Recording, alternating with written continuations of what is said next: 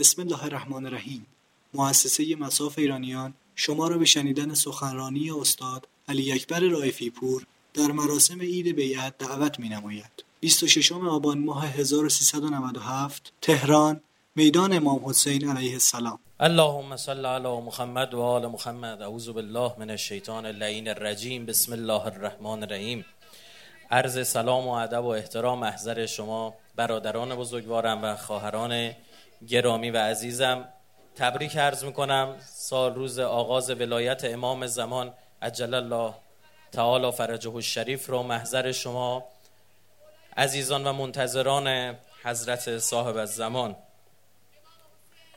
آره اجازه سخنرانی کنه عیبی نداره. بذار بعد از صحبت من خبرتون رو بگید.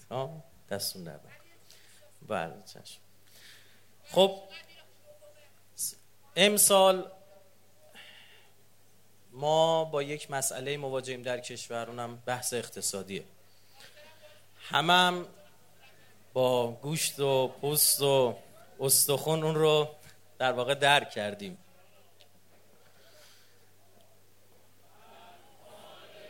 محمد رجه فرج و فرج خب خیلی خوب. دست شما دارم منتها خب این کجای این مطلب ما قرار گرفتیم؟ کجای این زمین بازی ما قرار گرفتیم؟ چیکار داریم می‌کنیم؟ این باید بر ما مشخص و واضح باشه. در این هم شکی نداریم که عصر آخر و زمان عصر امتحانها و بلایاست.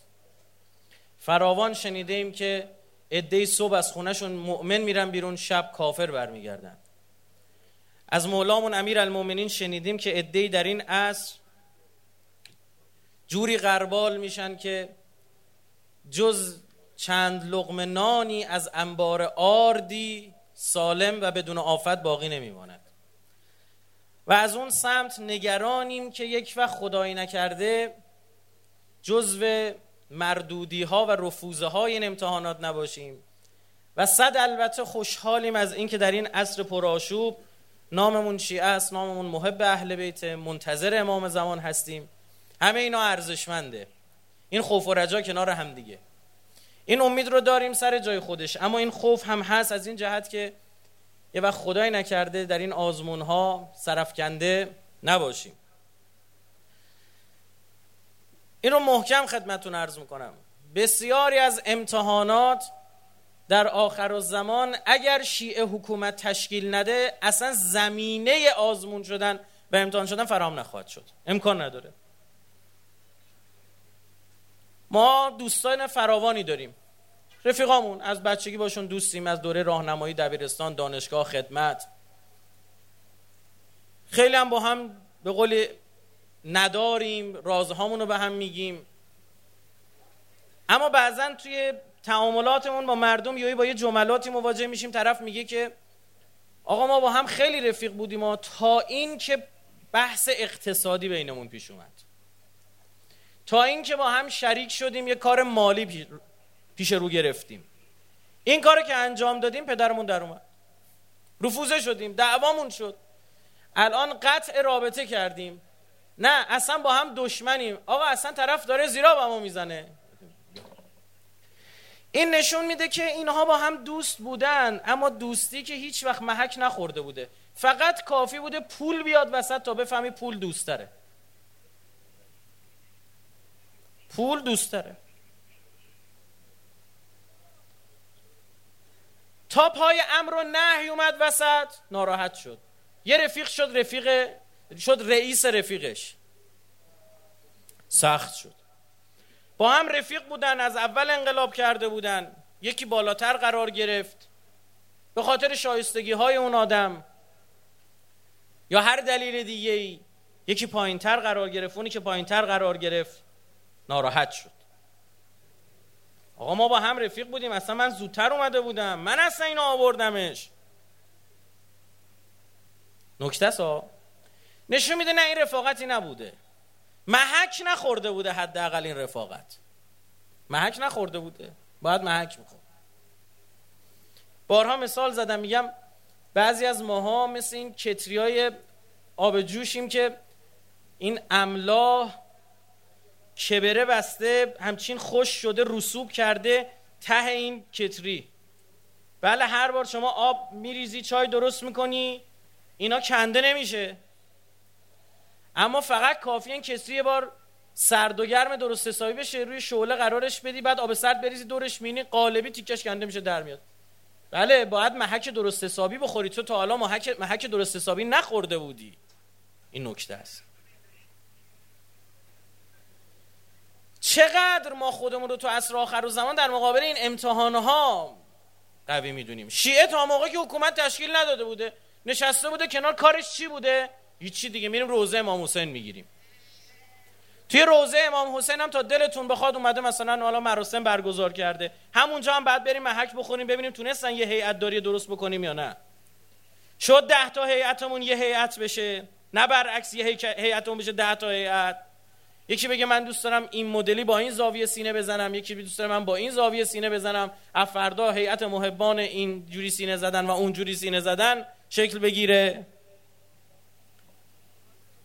نه ظاهرا دینداری دینداری مد نظر برخی از آقایان دینداری که نباید خیلی خیلی باهاش ور بری. یه دینداری سکولاره. که ذره وارد مسائل مالی نشی وارد مسائل حکومتی نشی وارد مسائل سیاسی هم نشی. هیچ کاری هم انجام ندی. بعد من نمی‌دونم اشد علل کفار رحما بینهم قرآن رو کجا دلم بذارم. بعدش هم میگه تو رکوع و سجودن. اول اونا رو میگه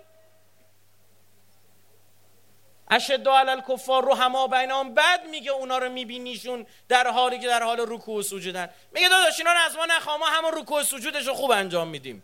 بل از هم خوب بلدیم بکشیم. حرفه ای هم می‌کشیم. خاصی حرف ضاد و جوری برای تلفظ می‌کنم. هیچ عربی نتونه تلفظ بکنه. این فهمشون از اما جسارتا عرض اینه که امام زمان حرکتش جنسش سیاسیه. جنسش حکومتی و حاکمیتی است. جنسش از جنس تشکیل ولایته. میگه زیر بیعت هیچ کس نمیره. زیر علم هیچ کس نمیره. همه باید باش بیعت بکنن. این نیست که آقا بشینه بالای منبر حضرت امام زمان مثل امام صادق علیه السلام فقط بحثای علمی و دینی مطرح بکنه. چهار هزار تا هم شاگرد داشته باشه. اینها رو ائمه قبل انجام دادن. امام زمان وجود منصور دوانیقی نخواهد پذیرفت. آیا شیعیان برای اون روز آماده شدن؟ نه آقا بعدش آماده میشن. آمادگی بعدش که به درد نمی‌خوره که. آمادگی بعدش که اصلا آزمون نیست. چون امام زمان امام منصور امام پیروزه. امامی که پیروزه و قطعا پیروزه رو شما کاری نمی‌تونی بکنی. بگی آقا ما هم نیام پیروزه. این آزمون ها قبلش گرفته خواهد شد. من معتقدم با جمهوری اسلامی داره گرفته میشه. عراقی ها چند وقتی است دولت مستقل خودشون رو تشکیل دادن. هر روز دعواست تو عراق. دارید میشنوید خبراش سر انتخاب یه نخست وزیر. جریان صدر نمی‌دونم چی چی چی. انواع اقسام جریان ها صبح تا شب دعوا. میگه ای تا قبلش که فوش می‌دادیم به صدام علیه صدام خوب متحد بودیم. تو نفی صدام خیلی خوب بودیم. اما چرا کنار هم نمی‌تونیم وایستیم به خاطر اینکه دینداریتون به درد خودتون می‌خوره. ما هم از اینا داریم. ما هم از اینا داریم. برداشتن ده تا اسرائیل بلکه صد تا اسرائیل کالا آسونیه. فرعون ها غرق شدن. نمرود ها سقوط کردن. اسرائیلی که دو روز نمی‌تونه جلوی راکت های حماس دووم بیاره. یه جنگی رو شروع می‌کنه. دو روز نمی‌تونه دووم بیاره. بعد در اثرش دو تا وزیرش از جمله وزیر جنگش استعفا میدن. بعد ائتلاف نتانیاهو از اکثریت میفته دوباره باید رأی گیری بشه. این می‌خواد بیاد مثلا با جمهوری اسلامی که میگه من فقط خودم به کنار فقط حزب الله نزدیک 80 تا 100 هزار تا موشک داره. نه از اون راکت های حماس. موشک درست حسابی و جوندار و نقطه زن. اون خواهد بیا به ما بجنگه. اصلا داستان من داستان آمریکا و اسرائیل نیست. امام گاه آمریکا غلطی نمی‌تونه بکنه. ما هم داریم غلط اضافی رو می‌کنیم. کار خودمونه. بلد نیستیم. دینداریمون دینداری سکولاره. دم از انقلاب می‌زنیم. کچلوارمون کچلوار سکولاریزمه. آقا وارد بحث سیاسی خب وارد بحث سیاسی نشم. کسی کسی محک نمی‌خوره. تا حکومت تشکیل ندی تا بحث قدرت و ندی کسی محک نمی‌خوره. به خدا بحث این پیش اومد که مسلم ابن عقیل جانشین ابا عبدالله تو کوفه آقا از شیعیان امیرالمومنین بود سلیمان سرد خزایی نپذیرفت. گفت من سنم بیشتره. من خودم و اشیرم رو بیارم زیل مسلم. حسین رو قبول دارم و مسلم نه. تعارف که نداریم که. مسلم ابن عقیل هم معصوم نبود. اینا هممون می‌دونیم. اما اینا معمور بودن پاش وایستن. با یکی از اساتید تاریخ صحبت می‌کردم راجع به اون روزی که ابن زیاد هانی نگه داشته بود توی قصر و پنجاه نفر بیشتر آدم نداشون بیرون اون داخل گفتم تو نقلای تاریخی هست که چهار هزار نفر. گفت شما کمترین نقل تاریخی رو میگی. نقلای تاریخی معتبر داریم تا 20 هزار نفر آدم بیرون بود. نفری یه آب دهن انداخته بودن ابن زیاد کارش تموم بود. اما اون جامعه جسارتا آمادگی نداشت. آقا نماز نمیخوندن. چرا؟ حج نمی‌رفتن. عالی. و مشکلشون چی بود؟ سیاست ورزی بلد نبودن. حکومت داری بلد نبودن. حکومت کردن بلد نبودن. راحت می‌تونستی ازشون رأی بگیری. راحت می‌تونستی رأیشون رو بزنی. راحت گول میخوردن. چهار نفر آدم و فرستاد بیرون. مثل شبس ابن ربعی و کی و امثالم اومدن اینا رو ترسونن گفتن سپاه شام تو راه ال و بل و فلان و اینجور چیزا. قالب تویی کردن. پنجاه نفر فقط اون تو بودن. های داستان مختار رو که دیدید هفت هزار نفر رو گردن زدن. هفت هزار نفر اگه می هم کشته می شدن امروز شهید بودن حداقل. من به شما میگم اگر می جنگیدن اتفاقی نمی افتاد موارد متعدد تاریخی داریم در تاریخ صدر اسلام و بعدش که تعداد کم بر تعداد زیاد غلبه کرده نه زمان پیامبر در بعدش. موارد فراوون داریم. چرا اینا نتونستن؟ اینا اینا آزمون ندادن. اینا رو ازشون آزمون نمی‌دونم مثلا ولزالین تو الفش یه انگوش بکشی چهار انگوش بکشی از این آزمون ها ازشون بگیری خوب وارد بودن. اصلا قراء کوفی مشهور بودن عزیز من. مشکل یه جا دیگه بود. شما نمی‌تونی بیای بری توی دعای ندبه بخونی بگی عین هادم و ابنیت شرک و نفاق. کجاست اون کسی که منحدم می‌کنه؟ بناهای شرک و نفاق رو. یعنی چی یه معماری منافقانه است؟ یعنی چی؟ میگه نه یعنی بناهایی تو آخر زمان شکل می‌گیره که اون بنا ذاتش نفاق و دروغه. مثلا سازمان ملل. میگه همه رو میاد منحدم می‌کنه. تو از این جنس نباشی دروغ میگی منتظری. دروغ میگه منتظری. عین قاطع و حبائل الکذب و الافترا کجاست اون کسی, کسی که چاه های دروغ دامه های دروغ و دروغ پردازی و افترا رو جمع می‌کنه. قطع می‌کنه دامه هایی که برای انداختن برای گیر انداختن مردم با دروغ و افترا دروغ میگه منتظری اگر امروز رسانه هایی رو می‌بینی که سر تا پاشون دروغه. و مردم رو دارن فریب میدن و دارن دروغ میگن. از این طرف مردم رو هوشیار نکنی. از اون طرف اون دامه ها رو تا قد و قواره خودت جمع نکنی. تو شکلت و عنوانت و رویت مهدوی نیست. آقا تو رو جون مادر دینداری ما رو سخت نکن. نمی‌تونم. مهدویتمون انقدر پیچیده نکن. نمی‌تونم. شک نکنید انقدر می‌فهمم که اگر این حرفا رو نزنم محبوبیتم بیشتر خواهد بود. لعنت بر اون محبوبیتی که جلو حق بخواد بیستی لعنت بر اون محبوبیتی که دروغ رو ببینی حرف نزنی.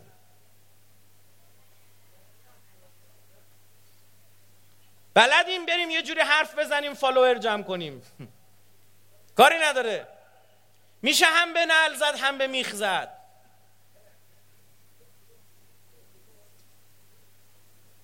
اما اما.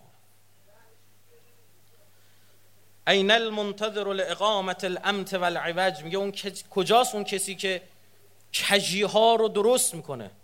بشینی بی خیال کجی های رو در جامعه ببینی سکوت کنی لالمونی بگیری بعد بگی آقا جان بیا آقا بیا آقا بیا. دروغ میگی.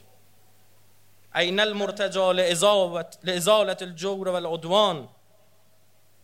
به فکر از بین بردن جور و دشمنی نباشی ظلم رو ببینی سکوت کنی بعد از انتظار بزنی. عین قاسم و شوکت المعتدین. کجاست اون کسی که میشکونه در همکوبنده شوکت ظالماست؟ میگه کجاست اون کسی که تو دهنی می‌زنه تو دهن ظالما شوکت اینا برای خودشون به وجود آوردن؟ آقا جون تو آخر زمان ظالما برای خودشون دیسیپلین می‌سازن. شوکت برای خودشون به وجود میارن. میگه کجاست اون آقایی که می‌زنه شوکت اینا رو میشکنه؟ بعد من الان ببینم آقا مثلا خب این صهیونیستا این آمریکا این این ور اون طرف برای خودشون شوکتی درست کردن. بعد من این بغل نشستم یا حسین یا حسین میگم یا مهدی یا مهدی میگم از اون طرف فرکانس شبکه هم از همون انگلیس و آمریکا داره پخش میشه. دیسیپلینشون هم حفظ می‌کنم. تو دهنشون هم نمی‌زنم. معلوم این نوع حرکت ها مورد بغض و غضب و حقد اون افراد قرار می‌گیره. معلومه میان میشکننت. معلومه بهت حمله می‌کنن.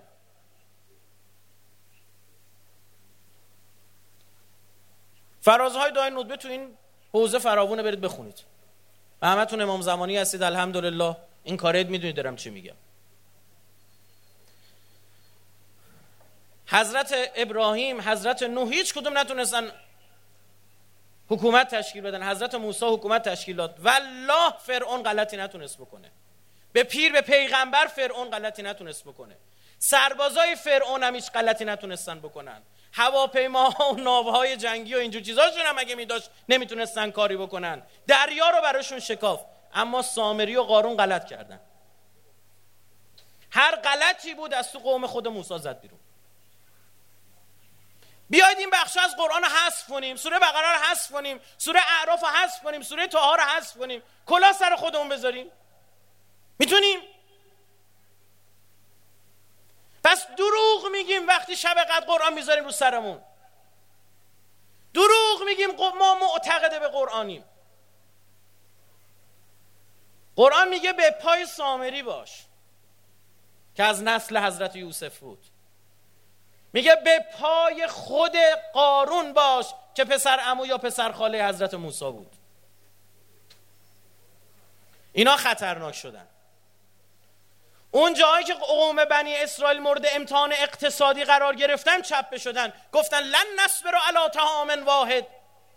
گفت برای اینکه برسیم با اون جامعه وحده داده شده به اون ارز موعود یه چند روزی یه خورده مقاومت بکنید. باید خودمون بتونیم بسازیم. تازه خدا هم برکات خودش رو بهشون میرسون. من و سلوا براشون میرسون. اما خستشون کرده بود غذای تکراری.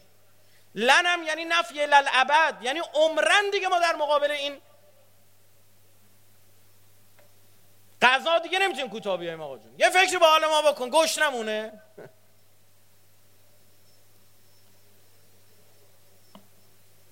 این ارتباطی با فرعون نداشت. دقیقا خدا اینجا می‌خواد بزنه تو دهنشون به حضرت موسی میفرماد بهشون بگو اگر نمی‌خواید اینجا بمونید پاشید جمع کنید برید. اه تو مصرن پاشید برید گمشید برید توی شهری. بی خود کردید دم از ظهور زدید. مگه میشه تو بیاید دم از ظهور بزنید دم از دولت اسلامی بزنید نزنید تو دهن فرعون؟ اساش حضرت موسی همون روز اول که انداخت عزیزان من دقت بفرمایید. اساش رو انداخت فرعون روی تخت خودش رو عریچه سلطنتی خودش به خودش ادرار کرد. تو کل شهر پیچید.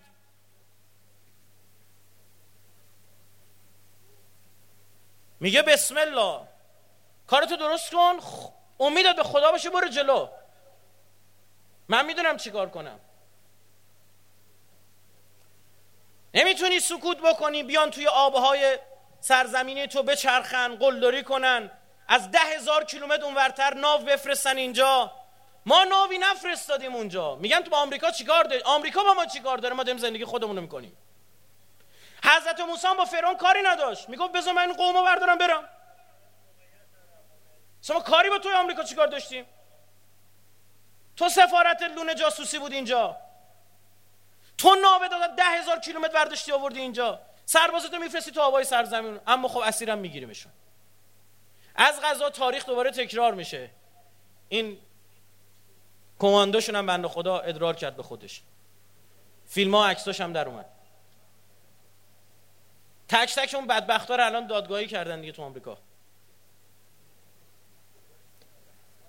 نمی‌تونه این دینداری درست نیست. ما آزمون اقتصادی خواهیم شد. اینا الان نمیگم. اون که عزیزانی که سخنرانی عبرت های بنی اسرائیل رو گوش کردن می‌دونن بنده این حرفا رو هشت سال پیش زدم. هشت سال پیش اینا رو گفتم. اون موقع این داستانا نبود. این تحریما به پیر به پیغمبر نبود. گفتم آزمون جهاد دادیم بعدیش آزمون اقتصادیه. از کجا گفتم؟ گفتم این سنت های الهیه. از قوم موسی آزمون جهاد گرفت آزمون اقتصادی گرفت از پیغمبرش هم گرفت از رسول الله هم گرفت از قوم امیرالمومنین هم گرفت. از ما می‌گیره. ما خونمون قرمز سر نیست آزمایش ندیم امتحان ندیم. این توهم بیایم بیرون. راه چیه؟ باید مقاوم بشی. اینقدر مقاوم بشی که اون ضربه های اقتصادیشون رو تو اثری نداشته باشه. ما که نه ما که دولت اسلامی حکومت اسلامی نظام اسلامی این چیزهای داریم حرفشو می‌زنیم نه. روسا و چینی هم دارن دلار حذف می‌کنن. اونا که آمریکا رو دشمن می‌دونن دارن به فکر این کارن. یعنی اصلا دینم نمیداشتی باید میفهمیدی. حالا که دینداری حالا که معموریت الهی بر دوش تو بر گردته این وظیفه تو رو صد چندان می‌کنه. باید سطح سواد مردم رو ببریم بالا. بلد نیستیم باید یاد بگیریم. باید مردم بفهمن پای پولی کشور چرا داره هی تون میره بالا. مردم باید بفهمن عزیزم کل یارانه های یک سال مردم ایران نزدیک چیزی بیش از چل هزار میلیارد تومنه. روزی بانک های ما هزار میلیارد تومن به نقدینگی کشور اضافه می‌کنن. یعنی پول یه ماه و نیم. پول یه ماه و نیم گندی که بانک ها می‌زنن باعث شده که برخی از آقایون شب واریز یارانه ها دل تو دلشون نباشه. بعد بیای بگی این مشکل اون مشکل نیست. اونو سکوت کنی نبینی. مزهک نیست. وقتی ندونی وقتی نفهمی وقتی بلد نباشی بدونی و بری یاد بدی از اینها سوء استفاده می‌کنن. رأی تو می‌زنن. نظر تو عوض می‌کنن. هیچ وقت فراموش نکنید. یکی از اصلی ترین دلایلی که کوفیان پای ابا عبدالله را خالی کردند یک اتفاق و یک خبر بود. خفنا طرح العطا. گفتن میترسیم یارانه هامون قطع شه. والله العظیم. اون موقع دولت ابن زیاد یا بگیم دولت یزید به بخش های مختلف کوفه که جمعیت های متفاوت داشت صد هزار تا می‌داد صد هزار درهم می‌داد. این صد هزار درهم بسته به نوع زندگی اونها بین بخش های مختلف تقسیم می‌شد. چون اون موقع آدما حقوق یکسان نداشتن نجومی بگیرم داشتن. چون زودتر مسلمون شده بود چون از اشیره خاص بود چون عرب بود بیشتر حقوق می‌گرفت. فلزا این صد هزار تا بین آدم های مختلف متفاوت تقسیم می‌شد. ابن زیاد یه حرف زد. گفت من کاری ندارم. از اون بخش جمعیتی شما. یک نفر به حسین ابن علی به پیونده گوش کن. یک نفر به حسین ابن علی به پیونده. کل پول صد هزار همه کل جمعیت رو قطع می‌کنه. جوری شده بود یارو می‌گفت خودم به درک بلنشم برم. زن و بچم چی؟ نگرانی نونشون نیستم و پول مثلا دو سه هزار نفر دیگه هم قطع شده ها؟ اونا چیکار می‌کنن با خانواده من؟ می‌تونن تو خیابون دیگه راه برن؟ برای همین ابا عبدالله برای اینکه اتمام حجت کنه زن و بچهش هم آورد. که بگه نگاه کنید اونجا خطاب به لشکر هوری عبارات عجیبی داره که آدم جگرش تکه تکه میشه خدا شاده حضرت فرمود نفسی مع انفسکم خودم جونم آوردم کنار جوم شما با هم دیگه قیام کنید. و اهلی مع اهلیکم. زن و بچه‌م آوردم که کنار زن و بچه هاتون باشن. نگید آقا زن و بچهش در امانن خودش بلند شده اومده. نگید یه وقت اینجوری نگید. از بچه شیش ماهه برداشتم با خودم آوردم که نگید اینطور. می‌تونست حضرت اونو بچه رو بذاره بمونه تو مدینه با مادرش بلند شه بیاد. می‌خواست اتمام حجت کنه. گفتم میترسیم خفنا بابا ترسیدیم ترحل عطا این طرح عطایی که به ما می‌دادن قد شه صد هزار همه کل عشیرمون قد می‌شد. چیکار می‌کردیم اون موقع؟ عیبی نداره بذار سرشم بره والا نه بعدش هم زدن تو سرشون گفتن خاک بر سرمون این اتفاق افتاد. اما دیگه سودی نداره. باید ما نگران فرهنگ اقتصادی باشیم. باید بفهمیم اولویت ها چیه هم بفهمیم هم بفهمونیم. ما باید بدونیم نیازهای حقیقی مردم چیه نیازهای واقعی مردم چیه نیازهای کاذب چیه. اینا رو بشناسونیم. اگر من و تو رو نیازهای کاذبی که دشمن داره تشدید می‌کنه. دست می‌ذاره مردم گیرت حقوق شهری دانشگاه و مدرسه و اجاره خونه و پول پیش خونه و اینان. طرف یهویی میاد تو رسانه هاش یک مسئله ای که مثلا اگر بری نظرسنجی بکنی دو درصد هم براشون مهم نیست و میاره می‌کنه مطلب اصلی دشمن. میگه این نیازتون ها اونو کار نداشته باشید. اما مسئولینتون اینو بخواید. هر دفعه هم دقت کردید تا مردم می‌خواد حواسشون جمع بشه که این خبر رو پخش میشه. خب بیا دخترام که رفتم مثلا ورزشگاه. خوبه؟ حل شد. الان دلار درست میشه انشالله دیگه. میاد رو همون هزار تومن وعده داده شده. درست میشه دیگه.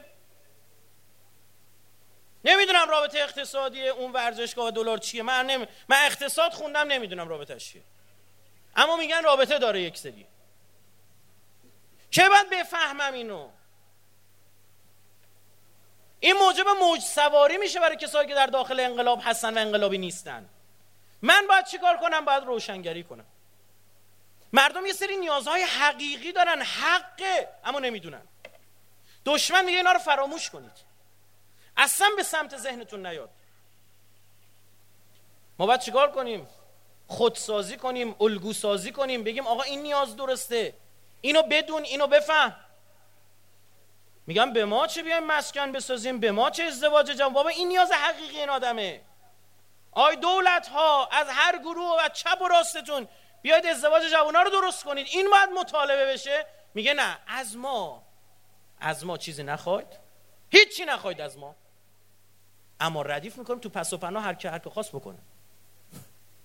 آزادی آقا آزادی. یه کاری می‌کنم گیر ندارم. از من خونه نخوا. من افتخار می‌کنم. یه واحد خونم نمی‌سازم. یا بابا تو وظیفت تو باید بیا اینجا به پیر به پیغمبر. جز قانون باید درست بکنی. لافشو زدید. نه اینا رو اما نخوا نیازهای حقیقی مردم نمی‌دونم چی.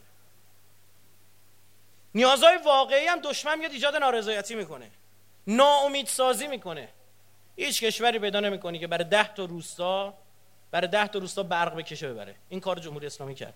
انقدر نگفتیم امثال من و شما اون آقاین انقلابی نما که برخورد گزینشی می‌کنه یه بخشیشو میگن یه بخشیشو نمیگن. متوجه چی میگم؟ یه بخشیشو نمیگن. مثلا هیچ وقت در مورد خودروسازی پاسخگو نمیشن. هیچ وقت. دولت رو دولت عوض میشه همینه. اما اینجا ما باید چیکار کنیم؟ باید جهاد تبیین درست کنیم. بیایم بگیم. وای بر ما کار به جای رسید که رهبر مملکت باید بره حرم امام رضا آمار سد سازی بده. آمار جاده سازی بده. بگه آ جمهوری اسلامی ما بعد از انقلاب انقدر صد ساختیم. آقا بی سوادی اینقدر بود اینقدر رسوندیم. آقا از دکترا رو می‌رفتیم از هندوستان پزشک هندی می آوردیم الان الحمدلله داریم صحبت اینه کسی از پزشکامون برن به کشورهای خارجی. کار به جای که رهبر مملکت در عالی ترین سطح باید بره گزارش بده. چرا؟ چون رسانمون لالمونی گرفته. چون من سکوت کردم. چون ما لال شدیم. ما خودمون گیت شدیم کدوم نیاز حقیقیه کدوم کاذبه کدوم واقعیه. کدوم رو باید تبیین کنیم با کدوم باید برخورد کنیم کدوم رو باید روشنگری کنیم؟ نمی‌دونیم. بعد انتظار دارید که مثلا مشکلات اقتصادی هم یهویی حل بشه. کانال تلگرامی یک کانال تلگرامی متعلق به یه بهایی ساعت یک و نیم نصف شب. اون زمانی که دلار تا 20 هزار تومن رفت بالا. ساعت یک و نیم نصف شب. ساعت پست گذاشته که دلار 18 و 500 پست قبلیش 18 تومن بوده. من می‌خوام بدونم یک و نیم نصف شب چه معامله چه مبادله انجام شده. دلار شده 18 و 500 یک کانال تلگرامی امنیت اقتصادی مملکت رو به چالش می‌کشید. کجای ما؟ کار فرهنگی نین. ملت ریختن دلاراشو. بابا چهار نفر آدم دو نفر رو اعدام کردن. دو نفر آدم اعدام کردن. دفعه اول خبر اعدامشون اومد دلار اومد تو 8 تومن 9 تومن. دیدید؟ خبر اعدامشون اومد. خبر محاکمهشون اومد. دفعه دوم اعدام کردن دلار الان اومده باز دوباره پایین. با اعدام دو نفر. این چی؟ یعنی اثر فرهنگی اینا. یعنی ما تو این مسائل آماده نیستیم. شروع بکنیم یاد بگیریم بابا عرضه چیه تقاضا چیه؟ این دلار چه ربطی به اقتصاد ما داره؟ که بتونیم مطالبه صحیح کنیم که ازمون گولمون نزنن اگه نفر خواست بره مجلسی که خواست بره شورای شهر یه خواست رئیس جمهور بشه هر جایی خواست بره. لا... این لازمه زیستن تو آخر زمان ما نسبت به این مسائل هوشیار باشیم. من از وقتی هم که در اختیار بنده گذاشته بودن لطف فرموده بودن یه خورده عدول کردم اضافه ترم صحبت کردم. واقعا من کسی نیستم می‌خوام از شما تشکر بکنم با کار و مشغلتون که تشریف آوردید. اما حقیقتا به عنوان خودم من خودم به عنوان یک نفر که حالا تو این جمع حاضر شدم اما الان چون تریبون دستمه خاک پای شما سرمه چشمان ما توتی های چشمان ما که نشون دادید پا کار امام زمانتون هستید. همزمان تو مراکز استان دیگه هم داره برگزار میشه. خیلی زحمت کشیدن خیلی جا برخ از استان ها همکاری نکردن اذیت کردن. یک جوری مثلا سنگ اندازی کردن خدا شما دادن فکر می‌کرد مثلا نکنه برای مثلا یزید می‌خواد مراسم بگیره. خبر نداریم خودمون. خب اینا هم انشاءالله درست بشن. تعجیل در فرج امام زمان انشاءالله چشم هممون به جمال نورانی آقامون روشن بشه. انشالله این ایام نزدیک باشه در ایام عمر خودمون باشه. انشالله خدا ذریه ما رو نسل ما رو از خادمین اهل بیت و امام زمان و شیعیان و محبینشون قرار بده. صلواتی بفرمایید.